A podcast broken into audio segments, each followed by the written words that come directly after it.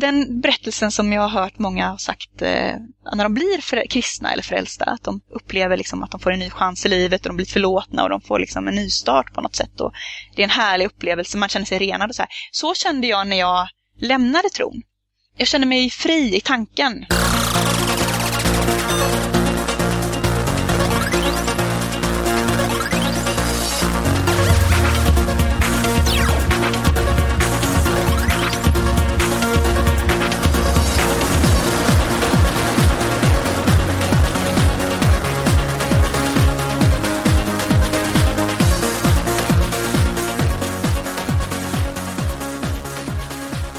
Välkomna till ännu ett avsnitt av podcasten Mellan svart och vitt med den skeptiska treoenigheten som består av mig, tant Erik. Mig, Dragan. Och mig, Thomas. Och eh, tänkte bara ta några aktuella saker här från veckan till att börja med. Eh, Ekumeniakyrkan har bildats. Det är någonting som ni har hängt med på? Nej. Faktiskt inte. Vad har du nu hittat för något? I min samfundsskola som jag har lite här då och då så har jag tidigare berättat att eh, Missionskyrkan, Metodistkyrkan och Svenskbaptisterna slogs ihop till någonting som heter Gemensam framtid för ett, ja, en tid sedan. Och nu har de alltså bytt namn efter mycket om och men till Ekumeniakyrkan. Okej. Okay. Alltså det låter ju jätte... Alltså det, det är inget bra namn. Nej. Vad vill de för alltså, något? Det, Vad vill de göra? Liksom... Vad sa du? Vad ska de göra för något? Vad har de för mål i livet? Nej, det är väl att göra Jesus känd tror jag, som alla andra kyrkor. Men, eh, Inget eh, mer nyskapat än så? jag vet inte, du får väl läsa deras eh, program och vision. Men Ekumeniakyrkan i alla fall, ett nytt namn på ett, ja, på några gamla samfund kan man väl säga. Till och med Draganistiska kyrkan låter bättre. Sen du vill bara... bli sektledare Dragan, det är därför. Sen måste jag bara berätta om en sak som, som var rätt så eh, jobbig, får man ju minst sagt säga. Eller som, eh, det var i förrgår kväll, eh, jag var ensam hemma och eh, min fru var på bio. Och jag skulle lägga alla mina tre barn och den yngsta, snart treåriga dottern, jag gav henne lite välling. Ehm, och så sa hon så här, sova mamma och pappas säng och så tultade hon iväg tänkte jag, ja men visst, jag går till henne lite senare. Och sen så gick jag och la min sexåring och så la jag min nioåring. Eh, och sen, det var ju helt tyst eh, om treåringen så tänkte jag, ja, där somnade hon. Det var ju lite smidigt då att jag slapp göra alla moment. Tänkte borsta tänderna, det spelar inte så stor roll ikväll. Så att eh, då gick jag ner och såg eh, utröstningen på Let's Dance i godan ro. eh, och sen när jag skulle gå upp och lägga mig så tänkte jag nu måste jag flytta henne eh, från sängen och lägga henne i hennes egen säng. Men då när jag kommer in i mitt rum så, så ligger hon inte i vår säng. Eh, Okej. Okay. Då tänkte jag, ja det var rätt nyligen så hade hon hamnat på golvet istället så jag gick och kollade där bredvid sängen. Men hon var inte där heller. Då tänkte jag, jaha, men då, hon gick väl till sin säng då.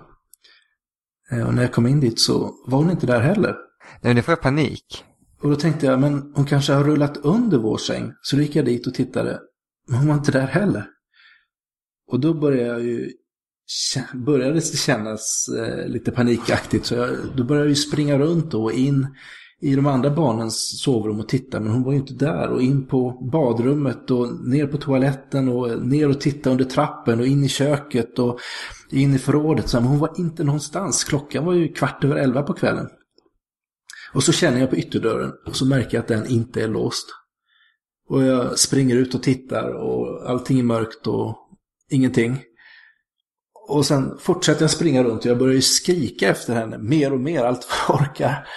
Eh, hon finns ingenstans. Fruktansvärt och jag springer ut igen och grannfrun vaknar och, undrar, och säger att hon kan ge sig ut och gå runt radhuset här och leta på baksidan och sånt där. Men det tog säkert, i tio minuter så var jag helt, så fanns hon ingenstans. Eh, jag skulle precis ringa mina svärföräldrar då och, och sen polisen eh, för att ja, på något sätt ta tag i det här när jag ser in i vår ena klädgarderob eh, där det först är en stege som leder upp till ett loft och sen så är det massa kläder som hänger och längst in där så skymtar jag en liten, liten fot och där låg hon alltså. Åh herregud. Har hon somnat där då? Hon, hade, hon sov som en sten. Eh, och mina andra barn sov också som sten. Det var ingen som hade reagerat på att jag sprang runt och skrek. Så.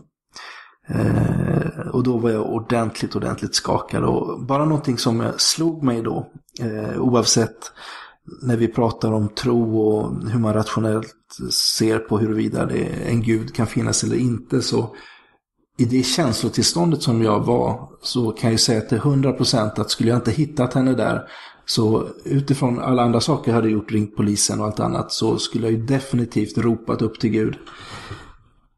Att... eh, Okej. Och hitta ja, men honom. då, då, mm, nej men då får du behålla din kristna.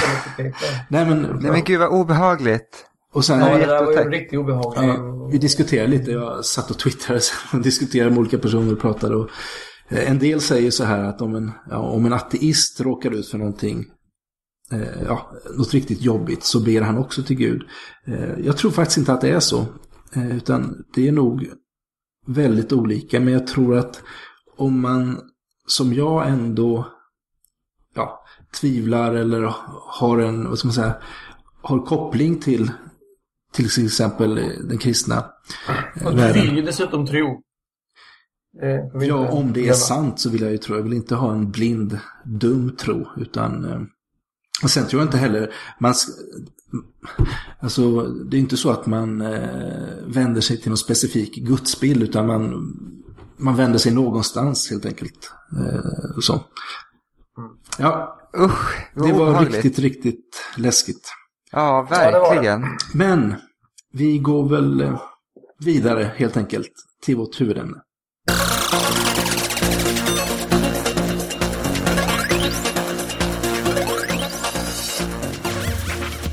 och med den här veckan så inleder vi en serie på temat Därför slutade jag att tro. Och idag så har vi med oss vår första gäst och det är Elin. Hej, välkommen till podcasten mellan svart och vitt. Tack så mycket. Välkommen Edin. Välkommen. Eh, Du kan väl börja och eh, berätta lite om dig själv. Ja, jag är 33 år. Bor på Tjörn, som är en ö som ligger lite norr om Göteborg. Eh, två barn, en man. Eh, jag, jag, eh, jag har eh, ett gäng kaniner som jag föder upp för att slakta. Och jag, och jag, jag har två katter och jag har, eh, jag har en damm i min trädgård med salamandrar i. Och eh, det är egentligen mitt eh, livsprojekt som jag har hållit på med. Alltså, det började med grodor när jag var sex år. Och sen eh, så blev, gick jag över till salamandrar, men jag håller fortfarande på med de här salamandrarna. Men, vad, gör, vad gör du med kaninerna? Eh, alltså meningen är att man ska äta upp dem. Ja. Eh, eller... Det är inte för pälsens skull eller så, utan det är för Nej, maten? alltså jag kan inte ta hand om pälsen ännu. Jag har inte riktigt lärt mig det. Aha, Så. Men eh, tanken var ju den. spännande. Mm. Jag skulle vilja ha en sån här, vad heter det? Heter det muff? Som jag hade förr i tiden? Och sådana som man har händerna i. Ja, Ja. Sånt Erik vill ha en muff. Ja, I vi går men, jag ska komma ihåg det om jag lär mig någon gång. bra. Jag kommer hälsa på. Ja, precis. Men eh, du är ju uppvuxen eh, i ett religiöst hem kan man väl säga. Eller när blev du troende egentligen? Ja, ja, det är ju precis som du säger att jag eh, föddes in i eh, en kristen familj. Och eh, ja, så att jag, jag har ingen sån här punkt att jag blev troende vid någon speciell tidpunkt utan eh, det var väldigt, väldigt självklart från födseln. Alltså det var ingenting... Eh, jag uppfattade aldrig att det fanns ett alternativ Nej. kan man säga. Det var ju väldigt självklart och eh, jag hade heller inga nära, om vi pratar om de första fem, sex åren när man först börjar ja, upptäcka världen, vad man ska säga. Så fanns det liksom, det var ingen som min familj umgicks med. Innan skolåldern om man säger så var det i stort sett ingen som min familj umgicks med som inte var troende. Det är ganska religiöst där ute på öarna, är det inte det? Jo, det är det. Men det är, det är ju inte så att de flesta är, är troende. Så är det ju okej. inte. Men det, det är ändå många i, i samhället. Eh, alltså jag menar i den klassen jag började i sen.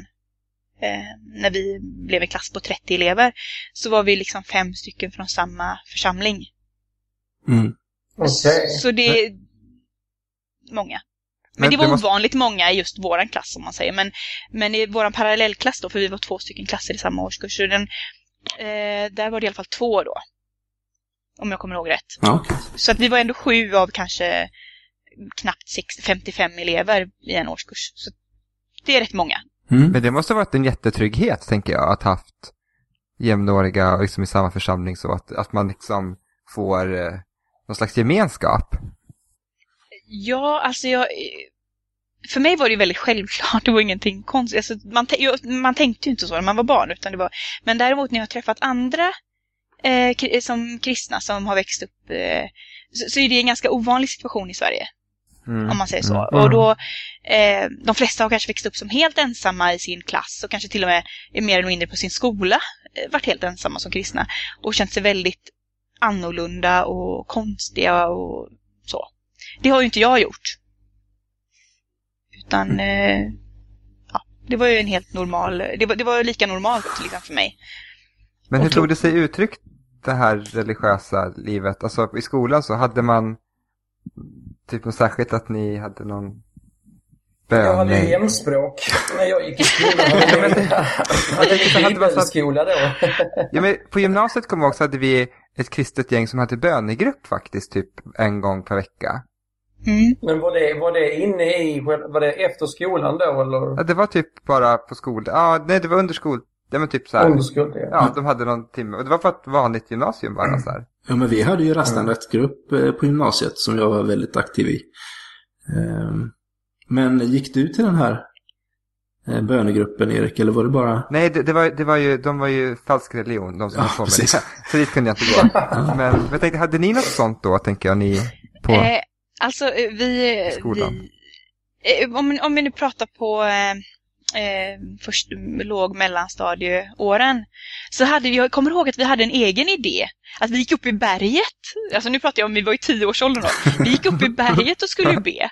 Men det var liksom ingen, det var ju absolut ingenting ordnat. Det var ju någon idé vi hade fått själva. Så vi gick upp fyra, fem stycken och satt upp i berget och bad. Kanske tre gånger, jag tror inte det blev mer. Men det var ett helt eget projekt, det var aldrig någon som eh, organiserade så.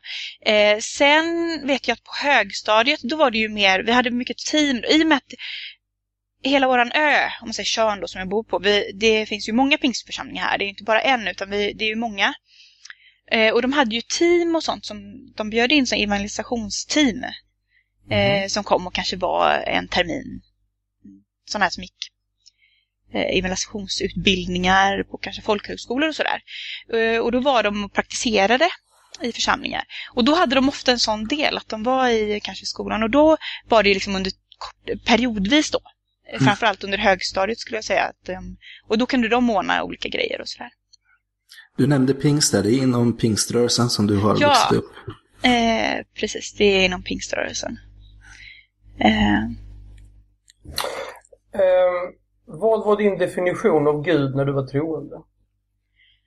eh, jag, har nu, eh, jag skulle säga att det var en väldigt konkret bild av Gud. Mhm. Eh, jag menar, många säger ju så här att ah, det är någonting eh, diffust eller så. För, för mig var det väldigt konkret. Gud var en eh, individ. Liksom. Okej. Väldigt eh, så. Var, var fanns han någonstans? Hur, såg han ut?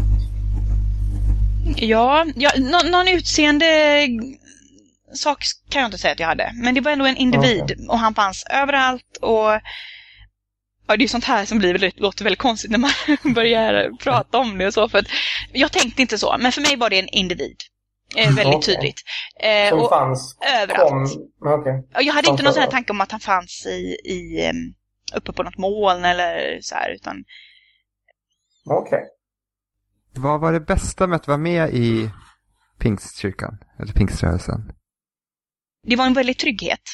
Eh, jag hade en given, eh, ett givet umgänge med både vänner och många extra föräldrar om man ska, eller vad man ska säga, för vi umgicks väldigt mycket familjevis. Eh, så jag hade har många sådana här som jag skulle kunna jämföra med att jag har kusinrelationer till fortfarande. Eh, vi umgicks eh, varje påsk, midsommar, så här, en fem, sex familjer. Eh, och det var en väldig trygghet. Eh, det var ett väldigt aktivt liv i form av eh, läger och resor, till församlingsresor och, eh, och så. Och det, ja, jag skulle säga att det var en social fantastisk trygghet som jag växte upp med. Mm. Eh, det var nog det bästa och väldigt, ja, vi, ja det var det är nog det jag skulle säga. Hade du några speciella upplevelser eller händelser under din tid som troende som, som du såg som starka ska man säga, bevis eller som, som stärkte din tro om man säger så? Ja, det första var väl egentligen eh, Alltså, jag kan känna så här att det i efterhand var någonting som jag la väldigt stor vikt vid. För jag ville väldigt gärna ha ett bönesvar. Eh, och jag hade väldigt få bönesvar. Jag hade inte så här att jag, åh gud, svarar mig på bön och sådär. Men, eh, men jag hängde väldigt upp mig vid ett tillfälle när jag upplevde att jag fick ett bönesvar. Eh, men det var en sån grej som när jag blev lite äldre tänkte att det där var väl kanske ingenting man kan räkna med. Men jag ville så, himla, så fruktansvärt gärna ha någonting som, som var ett bönesvar. Och jag vet att det var så att vi hade gymnastik i skolan, jag kanske gick i ettan eller tvåan eller någonting, så jag var ganska liten. Och vi hade gymnastik i skolan och, efter, och jag blev kvar väldigt länge i, i eh, omklädningsrummet. Och det var en väldigt jobbig dörr att få upp en sån här som går i lås. Så man var tvungen att liksom vrida låset och trycka på dörren samtidigt. Ni vet en sån här som, när den stänger sig så låser den sig. Och jag visste att den var svår. Och jag försökte alltid komma undan, men jag vet inte om jag hade varit på toaletten. Så, så att när jag kom jag var sist kvar och den hade gått igen då. Och jag kom inte ut. Eh, och jag försökte och försökte och försökte. Och det gick inte. Och, jag, och då bad jag ju till Gud att jag skulle kunna få upp den. Och då alltså, så bad jag och sen försökte jag igen och så gick det. Och jag kanske hade hållit på, det är svårt att avgöra, men jag hade hunnit få väldigt mycket panik i alla fall.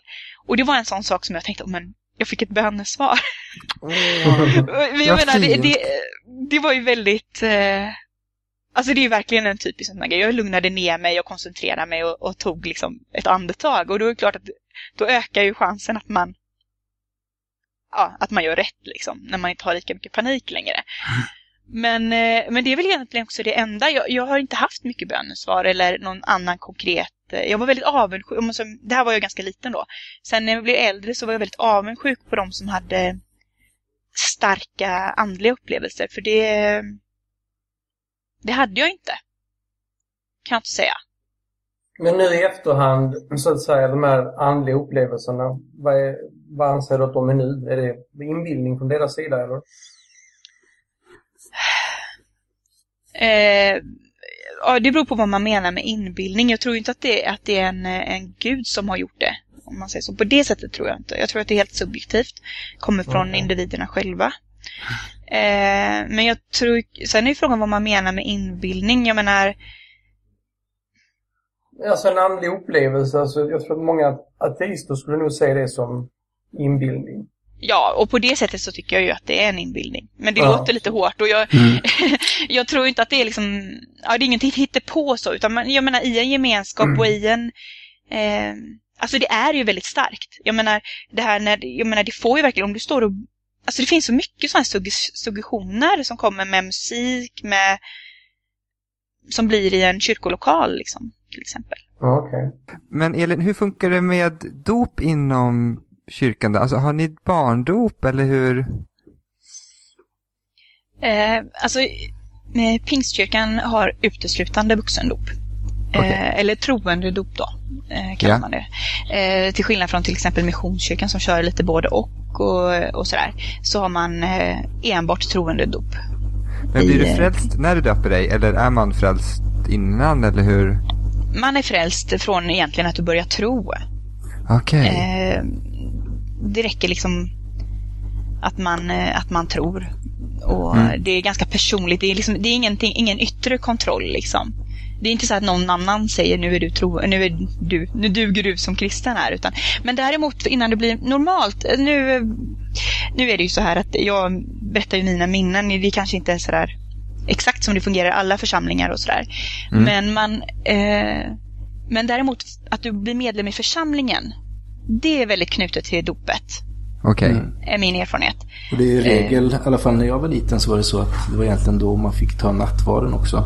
Ja, precis. Det, det minns jag också. Att det, det var en sån sak som jag var avundsjuk på mina föräldrar. Ville också ta nattvard.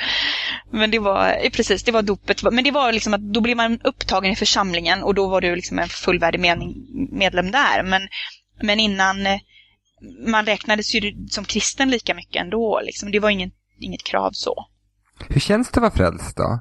Känns det på något särskilt sätt? Kan man fråga så? Eh, jag har ju inget före. Jag har ju bara ett efter, om man säger. Eh, och då blev det ingen... Jag, jag har ju inte den här frälsningsupplevelsen som många har. Det var jag väldigt avundsjuk på. Eh, Okej, mm. Faktiskt. Att eh, man tänkte på alla de här syndarna som bara upplevde Gud.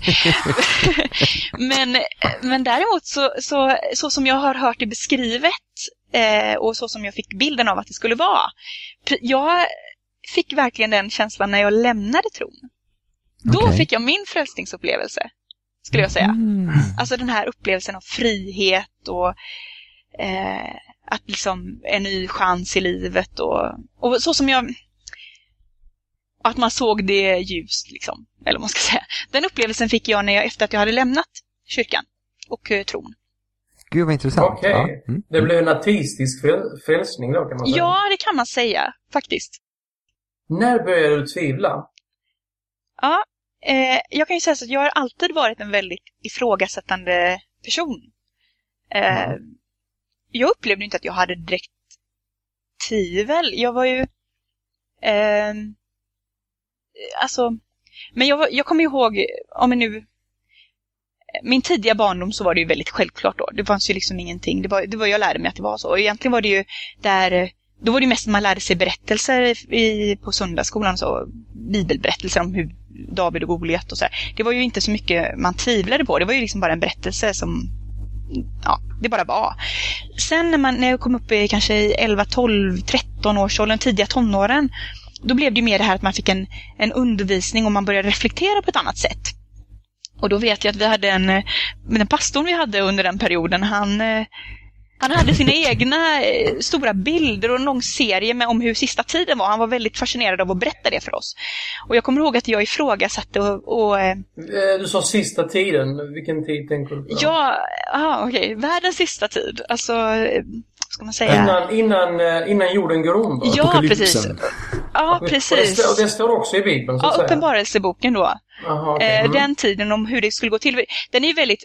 Alltså den boken är, låter ju skriven som någon som har drömt väldigt fantastiskt eller, eller är hög på någonting eller sådär. Det, det är väldigt mycket liknelser och, och drama och, och saker liksom. Den Hästar är och, otäck. Ja, eh, kan man tycka. Eller så kan man tycka att den är konstig bara. Men, Weird. Det är som jag Ja, läst flest gånger faktiskt. Jag tyckte den var ascool när jag var liten. Ja, precis. Men den är ganska, man får säga att den är ju...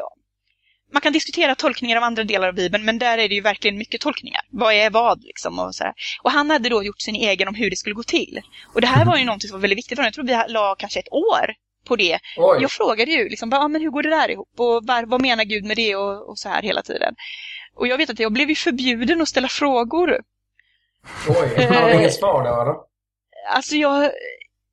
Jag tror att han... Eh, Han tyckte du var jobbig, liksom. Ja, jag tror kanske inte det var just för att jag inte, jag inte var tillåten att ställa frågor i sig. Men, men, men jag störde ju ordningen. För att han eh, fick ju ingenting sagt. För jag kunde ju sitta och diskutera hela, Mm, hela ja, samlingarna okej. om man säger Mm. så. Eh, och jag vet, det var ingen annan som ifrågasatte. Vi var ju kanske en 15-20 ungdomar i församlingen och det var väl ingen annan än jag som diskuterade, varken äldre eller yngre då. Okej. Men jag ifrågasatte väldigt mycket och sådär. Eh, och, och på det sättet, om man nu pratar tvivel här, så jag upplevde inte att det var tvivel. Jag såg ju det som att det låg på mig alltihopa, att, men jag förstår inte det här. Jag förstår inte Men hur det, det är här väl så, går. det är väl sunt. Alltså när man inte förstår så vill man ju fråga för att få fördjupning. Det Ja, jag precis. låter väldigt sunt. Ja, men det var, det var inte tvivel i form av att undra om det här stämmer. För det, jag, jag, tänk- jag utgick ju från att Bibeln stämmer, Gud finns. Det var väldigt självklart. Mm. Men jag förstod inte. Man kan ju säga att det är en f- föregångare. Fast om, om man säger som så här, alltså någon gång måste du ju ha börjat Vänta nu här, kan det här verkligen stämma överhuvudtaget? Liksom? Det, det det jag mer undrar. När hände det? Liksom? Det var när väldigt började du undra liksom, vänta.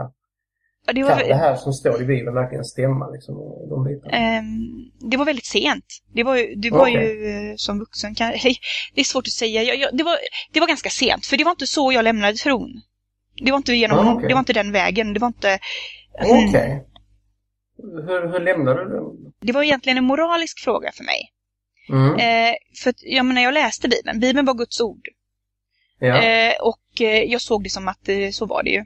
Och när jag inte kunde förstå eh, en berättelse och Guds handlande eller så som det var beskrivet i Bibeln, då, då blev jag liksom jag la, jag la hela skulden på mig själv. Det var ju självklart inte Gud som hade gjort fel, utan det var ju jag som inte förstod. Liksom. Men jag kunde ändå inte komma över det, jag kunde inte bara släppa det.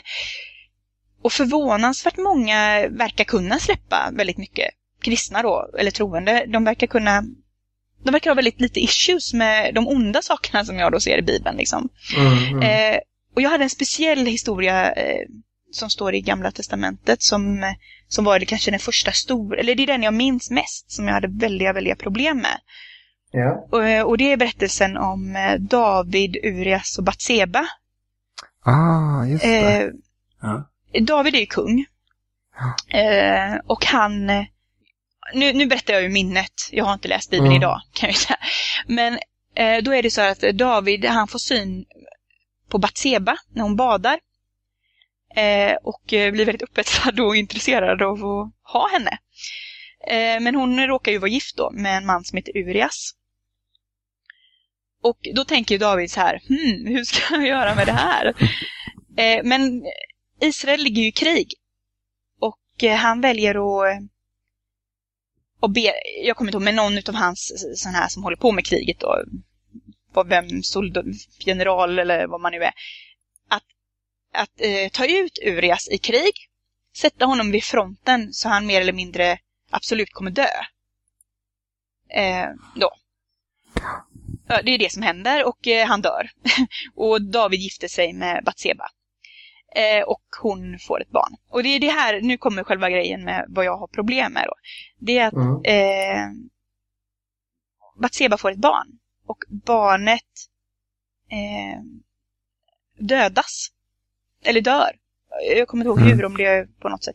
Och då beskrivs det som att Gud väljer att liksom visa David, det är Davids straff för att han har gjort fel. När han har tagit Batseba. Mm. Och det som jag hade väldiga problem med det, det var värdet på barnet. Alltså man har fått, i kyrkan så får man höra att om varje människa är unik och har ett eget värde och, och Gud älskar varje person. Och den enda anledningen till att Gud då skulle ha låtit det här barnet, den här pojken, födas, det var för att han skulle få dö. För att David skulle straffas. För mig var det, alltså, okej det kanske var en liten, det finns ju så många historier i Bibeln man kan hänga upp sig på. Men för mig var det en sån, just det här, Gud, det här barnet var inte mer värdefullt för sin, det fanns inget värde i sig själv, utan det bara föddes för att få dö. För att straffa David. Och det Mm. fick inte jag, alltså jag kunde inte se det som, det gick inte ihop för mig. Det, det, var, det var inte gott. Nej, det förstår. Eh, Det rimmar ju dåligt med det du sa innan, så att säga. Att uh, varje människa har ett eget värde och så vidare. ja, precis. Så jag, jag hade väldigt, det var väl den första saken som jag hade väldigt, väldigt svårt att, att komma över. Sen, sen när jag var äldre då så började väl kanske de här bara, alltså tvivlen på att Gud, att Bibeln kunde vara Guds ord.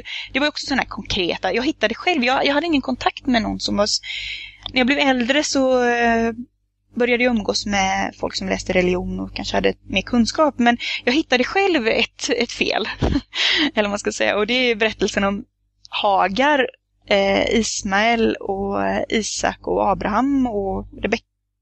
Nu blir jag osäker, men nej. Vad hette hon nu igen? Sara, Sara. tänker du? Sara. Mm. Eh, ja, det, det finns en detalj där, där det står i två olika berättelser om samma historia. Där man kan få slutsatsen att eh, Ismael är 12 år när Hagar blir utskickad i öknen. Eh, och i den andra berättelsen så står det att hon bar honom och han grät och hon tålde inte att höra hans sorg eller hans, hans barnets skrik efter mat. Liksom. Så hon slänger honom under en buske. Och där, där så beskrivs det ju som, jo, du slänger inte en 12-åring under en buske liksom. Det var bara en konkret grej för mig att, att det här går inte Bibeln ihop liksom. Det var... Gud vad intressant det här är. Vilka, vilka intressanta passager du har fastnat för. Ja, det, det, gjorde jag ju helt på egen hand, för det var ju liksom aldrig någon som uppmärksammade mig på det. Men, ja, men det var ju när jag själv läste Bibeln. Liksom. Okay. Eh, ju på egen... Här, eh, ja, förlåt. Ja. Nej, fortsätt. Nej, jag måste bara säga att den här om Batseba och David, alltså den är faktiskt en, en eh, jättesvår teologisk fråga. Alltså även bland vittnena ska jag säga att det är en jättesvår ja. teologisk fråga. Därför att hur man ska tolka, hur man ska försöka förklara och rättfärdiga. Därför att Gud gör ju aldrig fel. Nej. Så att man måste ju rättfärdiga det på något sätt. Och det, det kommer jag själv ihåg att typ allting slutade med att ja, men Gud kommer uppväcka det här barnet i paradiset så då blir allting bra igen. Mm. Typ. Uh, och man känner, ja men det räcker inte. Nej. det, är så, det är inte svaret på frågan. Men vad kul att, alltså ett jätteintressant eh, liksom, passage. Men att vara förstfödd är alltid lite riskabelt så här. Det, det vet ju de i Egypten om inte annat. Snacka om att dra nitlotten var förstfödd. Ja. Tacka vet jag mellanbarn. Ja. Men det här var en process som sattes igång då med att eh, du tyckte att Gud inte verkade vara så god som du hade trott om man läste Bibeln och att Bibeln innehöll fel och, och så. Vad, vad ledde det fram till sen? Ja, eh, ja men som sagt, jag la väldigt mycket skuld på mig själv. Och jag, jag sökte verkligen Gud. Jag, alltså jag var väldigt, väldigt angelägen om att, att komma nära Gud. Och jag, och jag, tänkte, jag la hela skulden för allt sånt här på mig själv. Eh, ja, det är någonting som är fel med mig. Som inte riktigt kan eh, liksom se Guds plan eller vad man ska säga. Att eh, inte riktigt kunde komma nära Gud och få de här, jag kunde heller inte riktigt få de här jättestarka upplevelserna. Eh, och så. Eh, och jag, men jag menar, jag har ju hört andra som har lagt, alltså man, man skickar ju de känslorna någonstans. Men för mig var det väldigt mycket mot mig själv. Det var fel på mig. Och jag vet att eh, mina föräldrar var väldigt engagerade i kyrkan. Och Eh, Eh, min mamma hade nyckeln till, eh, alltså hon höll på med söndagsskola och sådär. Jag vet att jag tog nyckeln någon gång och åkte upp. Eh, jag, alltså jag kanske var, jag cyklade så jag var kanske 12 år. Åkte upp och bara låg framför korset. Där hade så här stort kors i kyrkan längst fram. Och jag bara låg och grät i flera timmar och bara bad till Gud att visa mig vad är, vad är det för fel liksom. Eh, alltså jag var verkligen angelägen om, om att nå Gud. Men då var du bara 12 alltså? Ja, det började väldigt, väldigt mycket i den åldern. Men sen, sen pågick ju det eh, fram att jag blev äldre liksom. Men jag var fortfarande, jag, jag var hela tiden övertygad om att det var mig. Det, det, det, låg på mig liksom. Det var jag som inte, som hade problem för att jag inte riktigt kunde tro.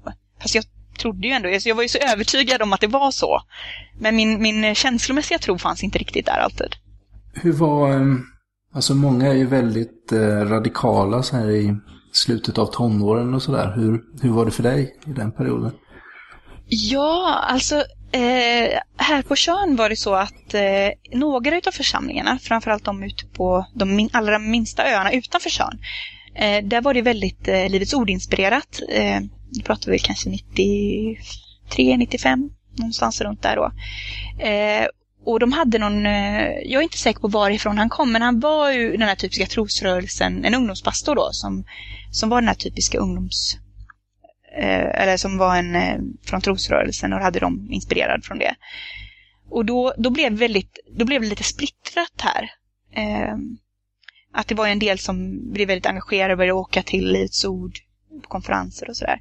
Och jag vet att då var jag verkligen att det här stämmer inte. Eh, vi var, vi var väldigt radikala eh, troende. Vi, vi, jag vet att vi åkte in till Smyrna i Göteborg som är eh, Pingstkyrkan i Göteborg som är ganska stor då relativt våra små kyrkor här. Och eh, vi, jag vet att vi utmärkte oss med att vi bad högst och var, alltså våran grupp var liksom så. Eh, så vi var radikala och jag, jag, jag menar jag vet ju många som har berättat att ah, när de var i den åldern så visst de var i kyrkan och sen gick de ut och drack på kvällen eller du vet sådär.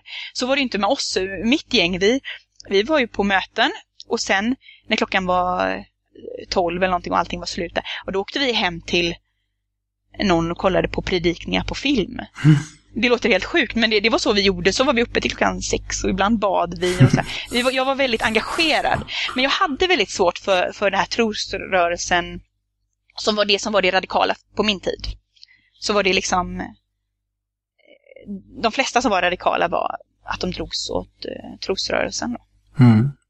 Men, men från det här rätt så radikala eller eh, till, eh, ja, vad, vad, hände sen? Vad var det som fick dig att ja, så småningom sluta tro, definitivt? Ja, eh, man kan säga så att det, det började, alltså jag, jag träffade min man och du vet livet gick på lite grann. Eh, så vi var, var han också pingstvän? Ja, han, han har i princip helt annan församling och helt annan, mm. han har ju inte alls samma uppfattning om sin tid i kyrkan som jag har, om min. Men, men, eh, men mot, alltså han var också pingst. Och eh, vi träffades, då var jag bara 17 år, så jag var inte så gammal. Eh, och vi, eh, eh ja, och, och sedan så liksom gick åren och vi gifte oss och flyttade ihop och sådär. Och, och vi var väl mindre och mindre i kyrkan. Eh, men jag vet att när jag var 22 kanske. Så tänkte vi att ja, men det här är inte så här vill inte vi leva vårt liv. Så här lite... Vi vill satsa på vårt kristna liv. och eh, engagera oss i kyrkan och sådär. Nu eller aldrig lite grann tänkte vi båda två. Eh, och så eh, tänkte vi ta tag i det då. Men i samma veva så blev det väldigt mycket konflikter i vår församling. Och eh, det var auktoritärt styre och det skapade Ja, det skapade väldigt mycket konflikter och, och det, det, det, var väldigt dramatiskt under en period. Det slutade med att vi lämnade församlingen. Alltså av rena eh, konflikter med ledningen kan man säga. Mm. Eh. Det var väldigt en oförlåtande auktoritär stämning. Man uteslöt vissa och Eh, jag har väldigt eh, dålig stil kan man säga. Min och detaljstyrde människors liv. Det var inte så snyggt liksom. Och det slutade med att vi valde att lämna för att vi kunde inte acceptera det.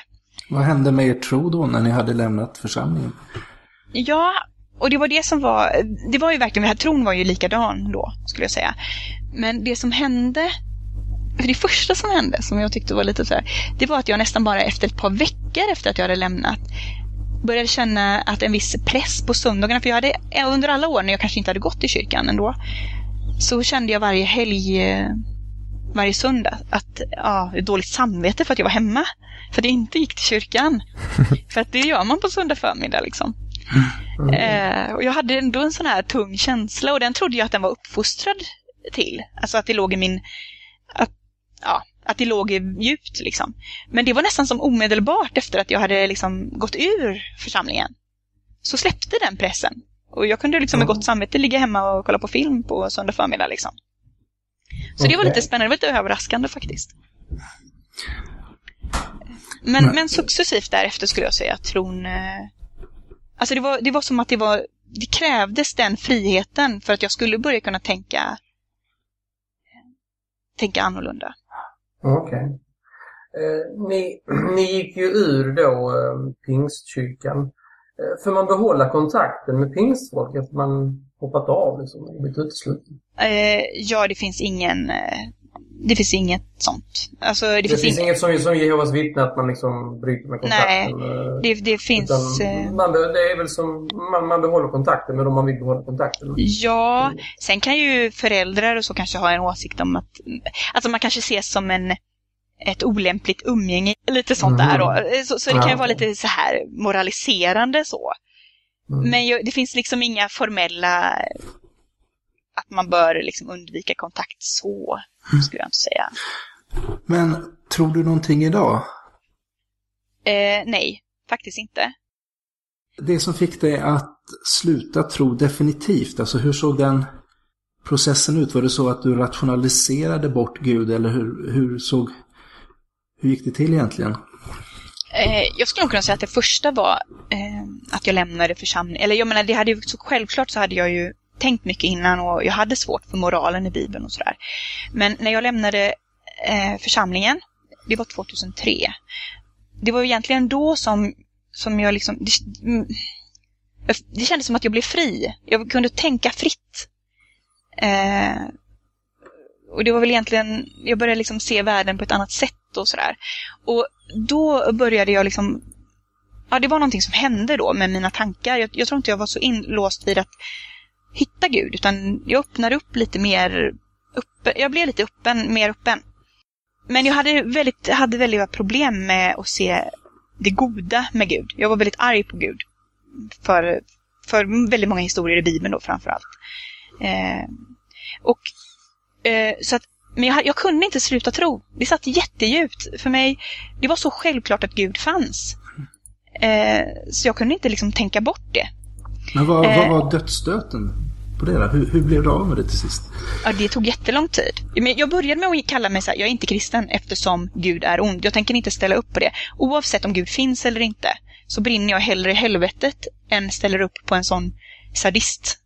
Eh, som, eh, ja, som, som skapar människorna som någon sorts husdjur för att han behöver, vill ha sällskap och sen utsätter han oss för... Alltså jag menar, Gud beskrivs som någon sorts fader som ska ta hand om oss. Jag skulle aldrig, om jag har barn, jag skulle aldrig för mitt liv tillåta att min son mördar min dotter. Eh, för att de ska lära sig någonting. Det spelar ingen roll eh, att, att det, de bestämmer själva eller någonting. Jag skulle, inte, jag skulle aldrig tillåta att mitt barn, ens om det, om det var gentemot någon helt främmande människa, som inte ens var mitt barn, så skulle Mm. jag inte tillåta mitt barn från att och liksom begå övergrepp mot ett, alltså nu pratar jag om ett vuxet barn, och begå övergrepp mot ett barn till exempel med pedofili och, och sånt där. Det skulle jag ju aldrig tillåta om jag kunde förhindra det. Mm. Och för mig är det ju då att, att det gör Gud. Alltså om Gud är Gud, om han kan styra, eh, om han kan kontrollera, om han vill, så då kan man inte komma undan med att säga att nej, vi har en fri vilja. För att jag skulle inte, alltså jag är ju uppenbarligen mer moralisk än Gud. Eh, Alltså, för jag skulle välja de mest, 99% av alla människor på jorden. Ja, nu börjar jag bli engagerad i hörnet nästan här va. Men eh, ni- de allra flesta människorna skulle ju stoppa om de kunde. Men Gud Mm. gör inte det. Och jag, då, jag började känna mer och mer att det här, det här kan jag inte ställa upp på. Jag tänker inte tillbe, jag tänker inte stödja det här. Då får jag brinna i helvetet. Det spelar ingen roll eh, om Gud finns, om det är sant allting. Liksom. För jag, jag tänker inte böja mig för det. Jag tänker inte ställa upp på att ja, upphöja Gud eller sådär, oavsett vad som händer med mig. Och det var ganska jobbigt såklart, men, men jag, jag eh, och kanske hade tron, var säkert lite skadad där, men, men jag tänkte, det spel, jag hade väl rationellt börjat tänka att det här går inte ihop, men jag kunde ändå inte sluta tro. Och då var det min, jag bestämde mig, jag är inte kristen längre. För jag, Mm. Men gick du upp. vidare sen och eh, mer rationellt kom fram till att ja, det finns inga saker som gudar eller Ja, alltså det blev ju en, det var en, eh, jag kan ju säga så att det var, det var väl egentligen, det, det var det viktigaste steget kanske. När jag Mm. bestämde mig för det, för att jag inte tänkte söka Gud. Jag tänkte inte försöka och, och underhålla min tro. För det fanns liksom ingen anledning längre. Eh, det hade jag ju kämpat med i 20 år liksom. Eh, kanske, eller 15 i alla fall. Eh, med att liksom behålla tron. Och det fanns ju ingen anledning längre när jag inte hade någon anledning till att tro. Eh, och då blev det ännu mer frihet. Och jag, men där var det ju mycket diskussioner med andra och så, så har jag ju liksom, det har det är en glidande process liksom. Man har haft diskussioner och sådär. Jag kan inte ta på att den helt plötsligt, att jag Alltså att ja, den och den frågan gjorde att jag tänkte att det inte gick ihop. Utan det var mer en, en utveckling under flera år då. Mm. Eh, tills jag liksom nästan bara, nej men jag kan kalla mig ateist idag. Jag tror inte längre. hur kändes Du, ka- du kallar det även för antiteist. Det gör jag. Mm. Eh, för mig så är... Jag delar ju upp ateism i eh, stark eh, eller positiv ateism och svag ateism. Och, svag ateism ser jag mer, eller negativ ateism eller man ska säga, kanske inte säga. Men svag ateism är ju att man, ja jag tror inte. Man har ingen tro, bara. Mm. Mm. Eh, positiv ateist är för mig då mer att man tänker, jag tror att det inte finns en gud. Lite starkare, liksom, jag, jag aktivt tror att, det, att, att Gud inte finns. Inte bara att jag, det finns ingen Gud, jag har inte märkt någon Gud, utan ja, jag, jag tror faktiskt att det inte finns någon Gud. Eh, och antitist är för mig att jag är emot tron på Gud. Jag tror att det är dåligt för människor, jag tror det är dåligt för individer. Det finns ju självklart människor som till vissa delar eller så här som, menar, det är väldigt svårt att gå in på personer, men Mm. generellt för samhället och så här så tror jag att, att tismen är farlig och dålig och inte Mm. gynnar eh, utvecklingen i samhället eller någonting. antite, antite, eh, begreppet antites blev myntat av Christopher Hitchens. Är det någon person som har påverkat dig? Eh, I efterhand kanske. Det var inte därifrån jag fick... Jag visste inte om... När jag, kom, när jag började tän, tänka antitism och att jag skulle kalla mig det, för då visste jag inte vem han var. Ja, okay. Eh, men jag, jag tycker ju att han är jättehäftig. Jag gillar det här snabba, slagfärdiga. Så jag beundrar honom stort kan jag ju säga. Okay. Eh, så att, jo, klart att han har påverkat mig lite, men jag är inte, jag är inte, inte mer en beundrare än, än att jag har läst Okay. mycket. eller sådär. Hur har det påverkat ditt liv att du har slutat att tro? Väldigt positivt skulle jag säga. Jag, eh, jag kände ju när jag, den berättelsen som jag har hört många ha sagt eh, när de blir för, kristna eller frälsta, att de upplever liksom att de får en ny chans i livet och de blir förlåtna och de får liksom en ny start på något sätt. Och det är en härlig upplevelse, man känner sig renad och så här. Så kände jag när jag lämnade tron. Jag kände mig fri i tanken. Eller hur man ska säga, det låter väldigt konstlat men Nej, det låter faktiskt inte så konstigt. Jag. det, ja, jag, det, ja, som jag sa, jag känner mig öppen för, för världen på ett annat sätt. Jag fick Mm. också en väldigt mycket mer positiv syn på världen. Innan så var det ju liksom dödsdömt för mig. Alltså jag menar, vi var på väg till någon undergång liksom och det spelar ingen roll vad vi gör. Eh, människosläktet är ont och det kommer bara bli värre och värre tills allt bara blir jättehemskt och eh, ja, sista tiden ska ju vara väldigt hemsk och, och tragisk och sådär. Och, och, och helt plötsligt så var det mer, ja men vi kan påverka det här. Det är inte liksom lika, när det är liksom förutbestämt. Jag tänkte, vi kan påverka världen.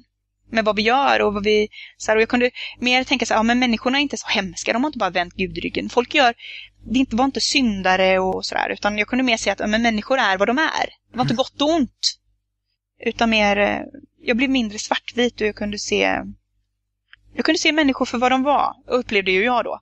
Att eh, människor gör så gott de kan, liksom. De, Du hamnade mellan svart och vit. ja! Och, i- alla fall min syn på människor. För in, jag var väldigt svartvit innan. Jag var väldigt... Det är svårt att säga här också vad som handlar om ålder. För jag menar, man tenderar ju att vara mer sån kanske i 15 till 20-årsåldern än vad man är när man närmar sig 30 Mm. det, man får kanske förhoppningsvis lite ödmjukhet med åren. Men jag kunde nog säga att det hade mycket med min, eh, att jag lämnade tron. Eh, att jag kunde se mycket mer fritt. Jag har en fråga till här. Eh, Det är som så här att eh, Gud fanns ju mycket i ditt liv innan. Mm. Och nu gör han ju inte det. Vad är det som har ersatt Gud? Jag skulle nog säga att det är en ganska svår fråga för mig. För jag har nog inte fått någon direkt ersättning. Om du inte menar något väldigt konkret.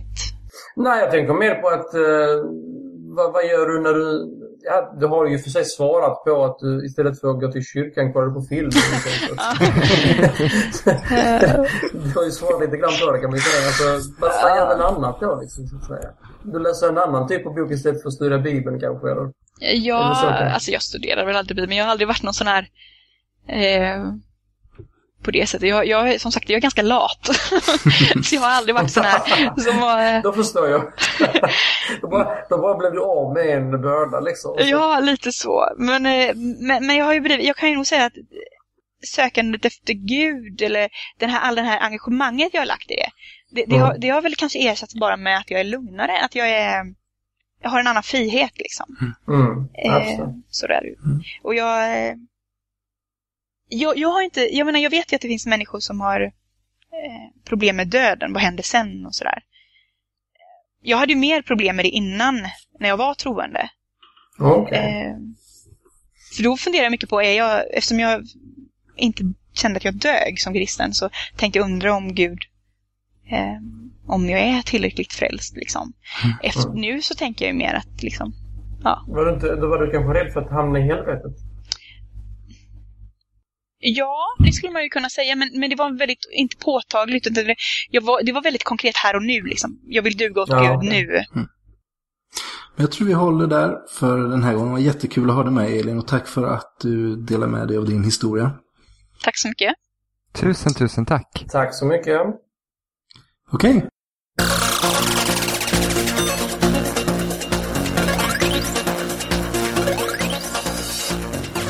Idag i vårt musikinslag så kommer det någonting som vi har väntat på och som kanske ni också har väntat på. Och det är alltså att tant Erik ska göra debut. Yeah! Ja, men det här är jätteotäckt. Alltså jag känner bara, jag har panikångest.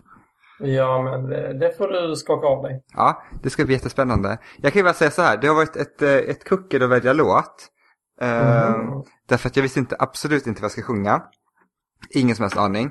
Och sen så bara efter att ha testat massa olika låtar så kom jag på att det finns en enda låt ifrån min ungdom som jag faktiskt kan helt utan till.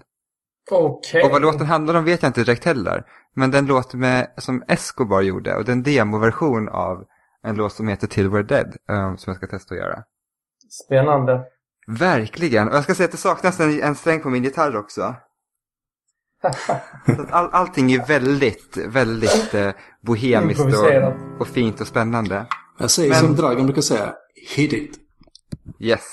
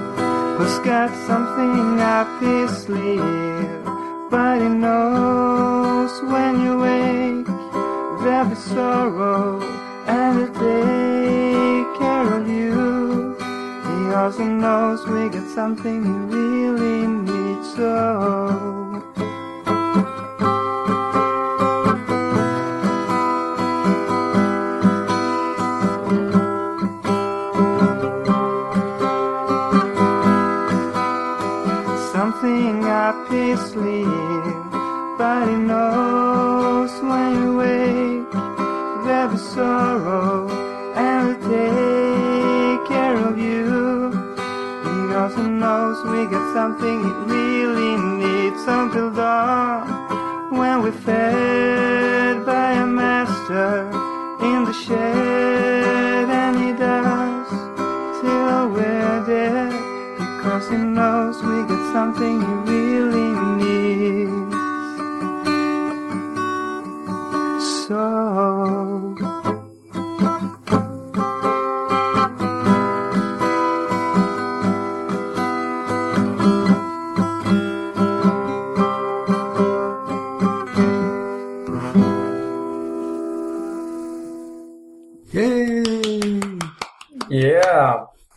Fantastiskt.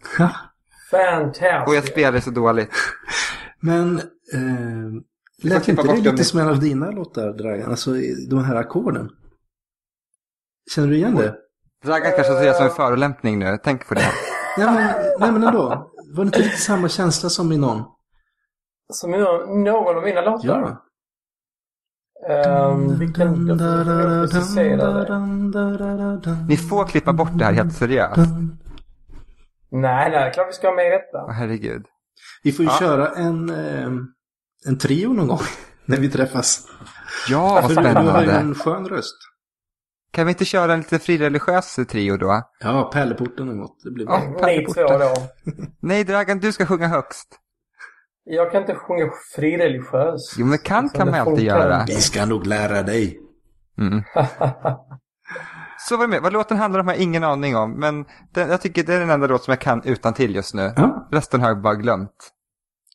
men gött. Gött.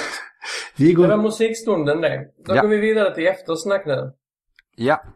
Ja. ehm, hur var intervjun? jag är helt begeistrad av Elin. Mm. Jag tycker hon var jätte, jätteintressant att prata med. Mm. Absolut. Det var en intressant intervju. Eller vad säger du Dragan? Och Jag tyckte det var intressant. Absolut. Jag tycker att det blir, blir för religiöst ibland. Nej, det, det handlar ju om detta. Så att, eh, Du har förlikat dig med att vi pratar Mm, tro ja, ja, jag och har livsåskådning. ju, ja, vi kanske, vi- alltså vi, vi bör ta in, ja, vi får se. Mm. Vi, Fast hennes resa är ju intressant tycker jag ur hela perspektivet från det här überreligiösa till det som hon kallar för positiv Ja, ja, men- ateism. Så hon, hon, hon spänner ju ändå över hela spektrat av det som... ja, ja.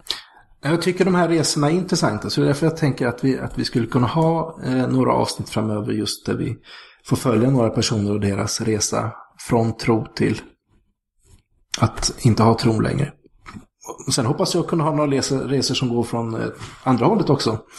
Eh, där man eh, har blivit troende från att inte ha trott innan.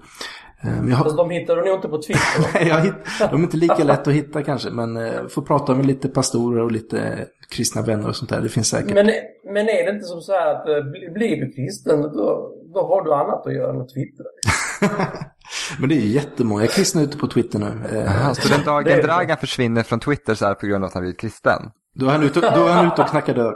Åh, åh gud vad kul! Ska vi, För ska man, Veganistiska kyrkan. Ska vi Men, köra eh, dörrknackning i Draganistiska kyrkan? Men vi håller väl för så här va? För idag. Det blir Ja. bra så ja. Absolut. Så att eh, vi syns eh, nästa vecka, samma tid, samma kanal. Yes. Ha det så bra allihopa. Hej Ha det bra! Och ett tack också till Marcus Fusén som klipper det här avsnittet. Tack! Du har lyssnat på podcasten Mellan svart och vitt. En podcast som handlar om tro, tvivel, skepticism och humanism.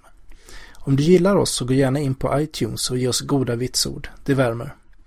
Ta gärna kontakt med oss. Vi har Twitterkonto svart underscore vitt för programmet. Och Thomas har Thomas Schoberg. Dragan har Draganist och Erik har Tant Erik. Gilla oss gärna på Facebook och eh, vår hemsida hittas på mellansvartovitt.se och där kan man också kommentera de olika avsnitten. Och sist men inte minst så är vår jingel gjord av Dragans band The Lounge.